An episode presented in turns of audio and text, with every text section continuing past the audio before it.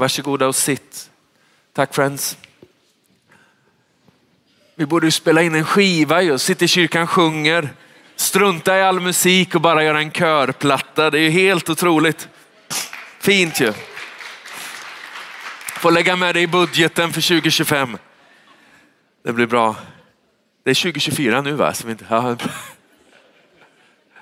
Fint att se er. Eh, jag heter Alfred. Eh, jag är en av pastorerna här. Jag är gift med Helen. Vi har tre barn som är 16, 13 och 11. Ja.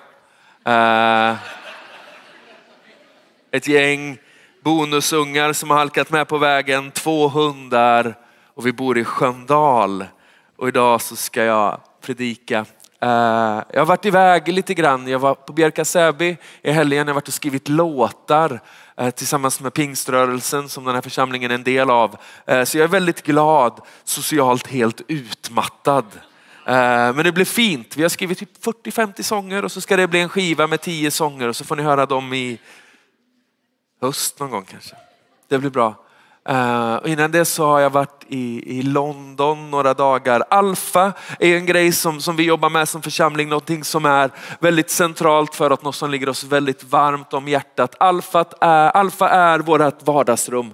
Vi tror att den här staden behöver platser där vi möjliggör samtal om tron för människor. Människor som, som inte känner Jesus, människor som har känt Jesus ett tag, människor som bara älskar att prata om Jesus, människor som tycker att Jesus verkar väldigt krånglig och vill bråka lite om honom. Människor som tycker att Bibeln är kass och människor som älskar Bibeln. Vi vill samla dem och så vill vi prata om Jesus tillsammans och så märker vi att ju mer vi pratar om honom, ju vackrare blev bilden som trädde fram och ju mer tagna blir vi av honom. Och så får människor lära känna honom. Det är otroligt fint. Jag var i kyrkan där Alfa liksom har sin startpunkt i London eh, måndag, tisdag, onsdag förra veckan.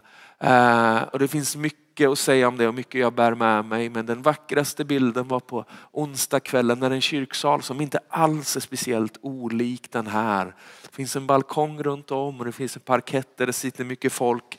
Fylldes med 300 vanliga sekulära människor som kommer för att de vill veta mer om Jesus. Så tänker jag att vänner, visst måste väl vi känna mer än 300 människor tillsammans som inte känner Jesus som behöver lite mer av liksom mening och hopp i sitt liv eller som bara behöver få sitta och prata om de stora frågorna en stund, som behöver få mötas runt kaffebord och bryta ensamheten en stund bara. Dela livet. Visst har vi det? Så ta med någon på Alfa. Vi gör inte en så stor grej av det. Alla människor behöver vänner och alla människor behöver Jesus. En del vet inte om det än, men alla människor behöver Jesus. Och så kom jag hem i, i söndags kväll till slut. Uh, hade vi bibelskola den här veckan. Och, och bibelskolan är en sån välsignelse för oss, en sån glädje att ha en bibelskola i huset. Jorge leder det och sliter med det och vi ser frukten av det år efter år. Men den här veckan så har Gud varit lite extra god mot oss. Ni vet hur det är ibland när Gud kommer nära. Han har rört vid människor med sin ande så känner man att det här är ju galet vackert. Alltså. Vet, I stillhet och i enkelhet så får liv bli förvandlade när de inser att Jesus älskar mig och att den kraft som väckte Jesus från de döda är verksam idag och rör vid människor idag. Alldeles brutalt vackert. Men nu ska vi ge oss in i Guds ord. Om de är i din bibel så slå upp Markus evangelium kapitel 5. Annars kommer det på skärmen bakom. Under ett par veckor nu så kommer vi bara ta med oss in i de enkla berättelserna om Jesus. Ibland så, så gräver vi djupt i Bibeln, ibland så liksom försöker vi att packa upp liksom, eh, teologin ordentligt. Men då och då så finns det något vackert i att bara få fatt i de enkla berättelserna om Jesus. Att låta våra hjärtan igen bara bli lite förundrade över vem han är, hur god han är, hur kärleksfull han är. Så Markus evangelium kapitel 5 och ifrån vers 21. Så här lyder Herrens ord. När Jesus var tillbaka med båten på andra sidan samlades en stor folkskara hos honom där han var vid sjön. En synagogföreståndare som hette Jairus kom dit och när han fick se Jesus föll han ner för hans fötter och bad honom enträget. Min dotter är döende. Kom och lägg händerna på henne så att hon blir frisk och får leva. Då gick Jesus med honom. Mycket folk följde efter och trängde sig in på honom. Där fanns en kvinna som hade haft blödningar i tolv år. Hon hade fått lida mycket hos många läkare och lagt ut allt hon ägde men inget hade hjälpt. Hon blev bara sämre. Hon hade hört talas om Jesus och nu kom hon bakifrån i folkmassan och rörde vid hans mantel för hon tänkte om jag så bara får röra vid hans kläder så blir jag frisk. Genast stannade hennes blödning och hon kände i kroppen att hon var botad från sin plåga. Jesus märkte genast inom sig att det hade gått ut kraft från honom och han vände sig om i folkmassan och frågade, vem rörde vid mina kläder? Hans lärjungar sa till honom, du ser hur folket tränger sig på in på dig. Och så frågar du, vem har rört vid mig? Men han fortsatte att se sig omkring efter henne som hade gjort det. Kvinnan visste, som hade hänt, visste vad som hade hänt med henne och hon kom rädd och darrande fram och föll ner inför honom och berättade hela sanningen för honom. Då sa han till henne, min dotter, din tro har frälst dig. Gå i frid och var frisk och fri från din plåga. För er som undrar vad som hände med flickan så kan ni gå hem och läsa Bibeln sen. Hon dog men Jesus väckte upp henne igen så det löste sig också. Men vi stannar här idag. För att förstå det, liksom det svindlande och det vackra i den här texten, eh, liksom under lagret av att Jesus griper in och botar någon, så behöver vi bara göra en snabb återkoppling till lagen som judarna lever under. Eh, och så här står det i tredje Mosebok 15 och vers 19. Är man lite så känslig som en del grabbar kan vara så varnar jag för liksom bara grafiskt innehåll, men det är vad det är. När en kvinna har sin flytning och det kommer blod från hennes kropp ska hon vara oren i sju dagar. Var och en som rör vid henne ska vara oren ända till kvällen. Allt som hon ligger på under sin månadsrening blir orent och allt som hon sitter på blir orent. Var och en som rör vid det som hon har legat på ska tvätta sina kläder och bada i vatten och vara oren ända till kvällen. Var och en som rör vid något som hon har suttit på ska tvätta sina kläder och bada i vatten och vara oren ända till kvällen. Om någon sak läggs på det hon har legat eller suttit på någon sedan rör vid det ska han vara oren ända till kvällen. Om en man ligger med henne och någon av hennes månads om något av hennes månadsblödning kommer på honom ska han vara oren i sju dagar och allt som han ligger på ska bli orent. Om en kvinna har blödningar under en längre tid utan att det är hennes månadsrening eller om hon har, varit, eller om hon har blödningar utöver tiden för sin månadsrening ska samma regler gälla för henne som under tiden för hennes månadsrening. Hon är oren.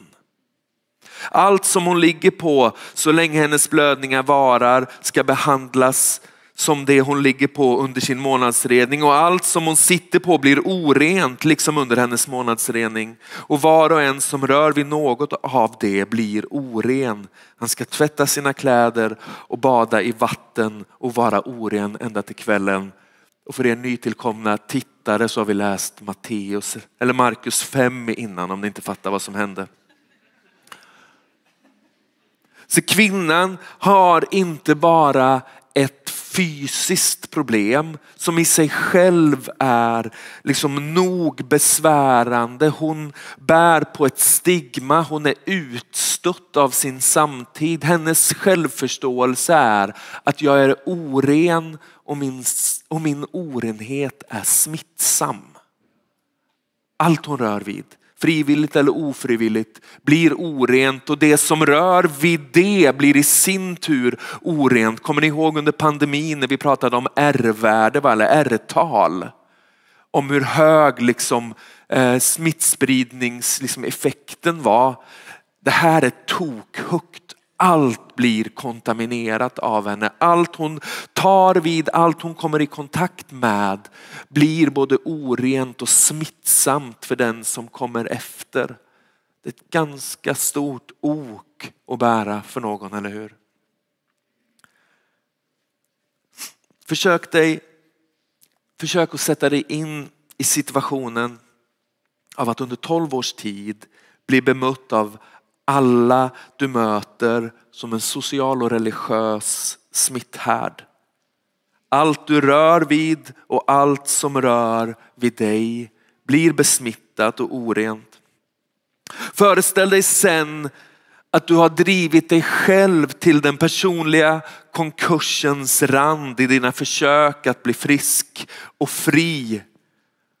Hur resan mot hälsa börjar på etablerade och respektfulla kliniker men hur du sen i desperation driver dig ut i någon sorts pseudovetenskapligt grumligt vatten tills de kurer som du ordineras inte längre bara gräver djupa hål i din ekonomi utan också börjar medföra personlig och psykiskt lidande.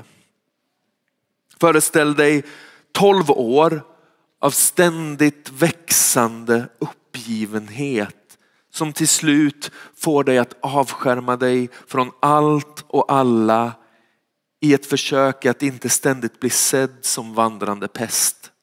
Självvald ensamhet för att självmedicinera mot den ofrivilliga ensamheten. Smärtan, sorgen och ensamheten. Och så kommer det en dag där ljudet utanför huset där du bor låter annorlunda. Livet brukar alltid pågå där ute men den här dagen är det livligare än vanligt. Och på något sätt så snappar du upp att det är någon sorts profet i byn. Du har hört rykten om honom, berättelserna om honom. Han är en helare ännu en självutnämnd messiasgestalt eller kanske, bara kanske slutet på tolv år av fysiskt, psykiskt, ekonomiskt och andligt lidande. Tänk dig att du är driven, nästan jagad av en strimma av hopp och så pressar du dig fram genom folkmassan mot uppståndelsens centrum. En vandrande religiös pandemi som för varje steg framåt smutsar ner allt som du rör vid. Men den desperata längtan efter att mörkret ska ta slut gör det värt risken. Det värsta som kan hända är ju att allt som redan är sant än en gång bekräftas. Och mitt i den där folkhopen så ser du plötsligt vandrande hopp vandra bort från dig på väg mot den som har det värre. Mot ett barn som är döende, kanske redan dött. Och så infinner sig den där tanken, vad är mitt lidande jämfört med lidandet hos den som har hela livet framför sig? Den som har en familj som älskar, den som tycks samla hela byn i en gemensam vilja om att få se ett mirakel ske. Kan ni liksom se det framför er? Och nästan i samma stund som viljan att vända tillbaka in i ditt mörker drabbar dig så sträcker du ändå ut din hand för att försöka få tag i något, i någon. Kanske om jag bara nuddar den yttersta delen av den mantel som han bär. Kanske blir jag då fri. Och sen går allt väldigt snabbt. Kraft rusar genom kroppen och så vet du instinktivt att helvetet är över. Du känner det. Hur det som är själva roten till allt lidande plötsligt är borta, det är över. Men precis samtidigt som det händer så hör du hans röst. Vem rörde vid mig? Och du inser vad du har gjort. Oren, oönskad och utstött så har du inte bara rört vid halva byn i trängseln på väg fram mot honom. Nu har din orenhet också rört vid gudsmannen och lagen är tydlig. Nu är han också oren. På något märkligt sätt så verkar det som att han känner det som du nyss kände, kraft. Och fastän hans lärjungar försöker förklara det orimliga i hans ord så ser du hur hans blick målmedvetet söker av folkmassan för att få syn på den vars vidrörande var olikt trängselns knuffande och stök. Det som nyss var lättnad över att lidandet är över är nu rädsla. Bara rädsla. Darrande så rör du dig fram mot mannen för att än en gång bli bemött som den pest som du innerst inne vet att du är så blandas rädslan med självhat. Hur kunde jag vara så dum? Hur kunde jag tro att en sån som jag förtjänar bättre? Så du bekänner din synd, din överträdelse. Du tuggar i dig domen innan den har fallit. För du vet redan vad den kommer vara. Och så talar han. Mitt barn. Mitt barn. Och så blir frågan, varför är hans röst så mild? Varför bär hans ord så mycket värme och kärlek? Varför talar han med mig som han talade med mig när jag var ung och oförstörd, som när jag var liten långt innan allt elände började. Varför ger han mig inte det jag förtjänar? Kan ni se det framför er? Blicken är sänkt och allt du ser är marken framför dig. Så fortsätter rösten att tala och tonen i den är fortfarande mättad av hopp när du bara lyckas uppfatta några ord som mannen talar. Frälst, frisk och fri. Frälst, frisk och fri. Berättelsen om, om Jesus, det som, som vi kallar för, för evangelium, är i grund och botten väldigt, väldigt enkel. Makalöst vacker, stundtals provocerande, alltid befriande, ibland utmanande men i sitt väsen väldigt väldigt enkel. Jesus är syndarens vän. Den utstöttes vän. Din vän.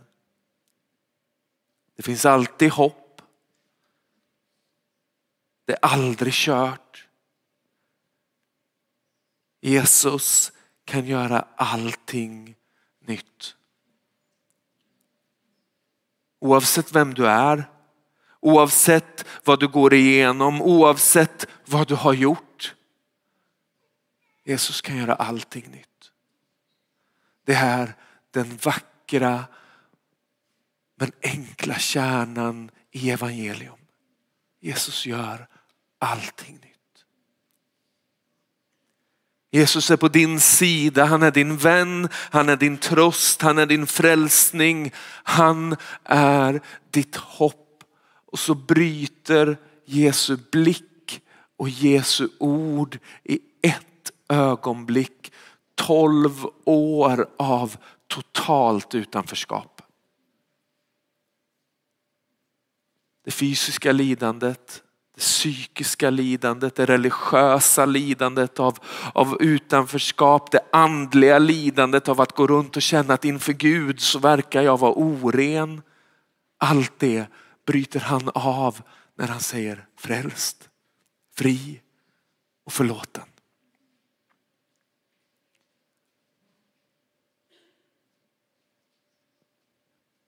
Det där är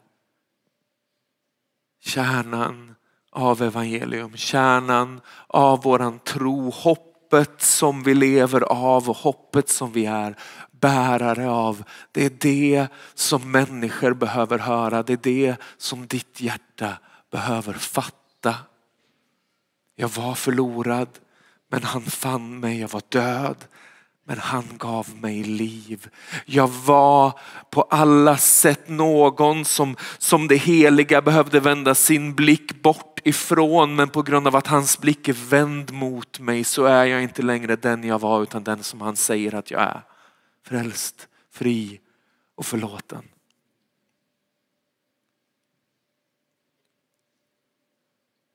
Och vi förmår, tror jag, bara bära den berättelsen berättelsen i den utsträckning som våra hjärtan har fått tag i den.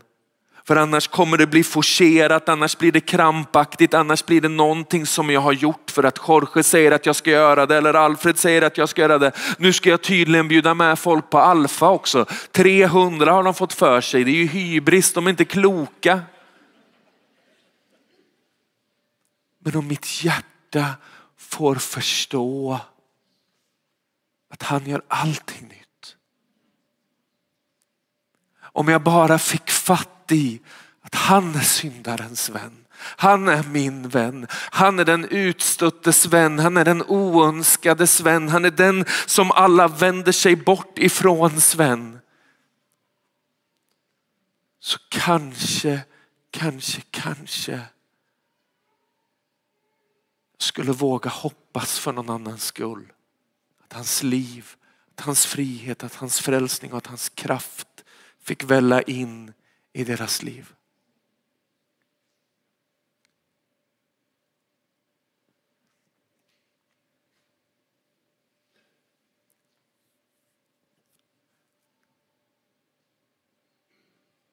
Den här staden behöver Jesus. Den behöver ett möte med Jesus. Inte som de kanske tror att han är. Som någon som pekar finger och ser ner på dem. Utan som den som berättelsen berättar för oss att han är. Mitt barn. Du är älskad, du är fri, du är förlåten. Och jag tror att ska vi kunna bära den berättelsen med oss så behöver den gång på gång få drabba oss. Den behöver få tag i våra hjärtan och sättet som det sker på är genom att han rör vid oss med sin ande. Och ibland är det omtumlande och kraftfullt och, och omskakande och ibland är det som en stilla susning i rummet. Andens vind som igen målar bilden av han som har frälst oss. I våra hjärtan på ett sådant sätt att vi förstår att jag är frälst förlåten och fri. Så finns det massa saker vi kan liksom grotta ner oss i. Gå alfa och ställ de stora frågorna, gå kvällsbibelskolan och liksom fördjupa dig i hans ord. Men ibland så behöver mitt hjärta bara förstå att jag är frälst, fri och förlåten. Och det räcker ganska långt. Ska vi stå upp tillsammans?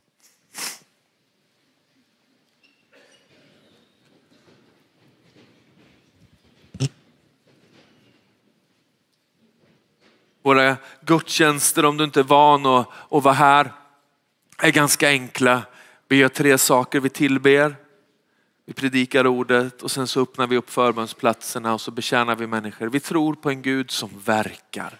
Vi tror på en Gud som på riktigt helar, som inte gjorde det då, utan som gör det nu, som möter människor med kraft. Vi tror på en Gud som kan ta det som är din skakiga början av resan och göra den till någonting vackert. Inte för att du skärper till dig utan för att han upprättar dig. Att han lyfter av det där gamla och så ger han dig någonting nytt. Minnet kanske vi får leva med men berättelsen förändras för han som är ordet börjar skriva någonting nytt i ditt liv. Vi tror på en Gud som möter oss med sin kraft. Med det som Bibeln kallar för, för hjälparen, anden. Vi kommer göra så, vi tar en liten stund i tystnad. Så välkomnar vi Guds ande. Sen tror jag att Gabriel kommer dela lite grejer som förbedjarna har liksom bett och fått till sig att Gud har på sitt hjärta på ett särskilt sätt för den här dagen. Och sen så tillber vi Jesus. Och så ber vi för varandra. Och så får vi se vart den här dagen slutar. Känns det okej? Okay? Om det hjälper dig så håll ut händerna som att du tar emot en gåva. Det är inte magi. Det är bara att kroppsspråk ibland hjälper hjärtat att sätta fokus, eller hur? Är jag stängd och låst på utsidan så blir det ibland lite stängt och krampaktigt på insidan. Och så ber vi, kom heligande. Den här morgonen så ber jag dig att du skulle röra vid oss.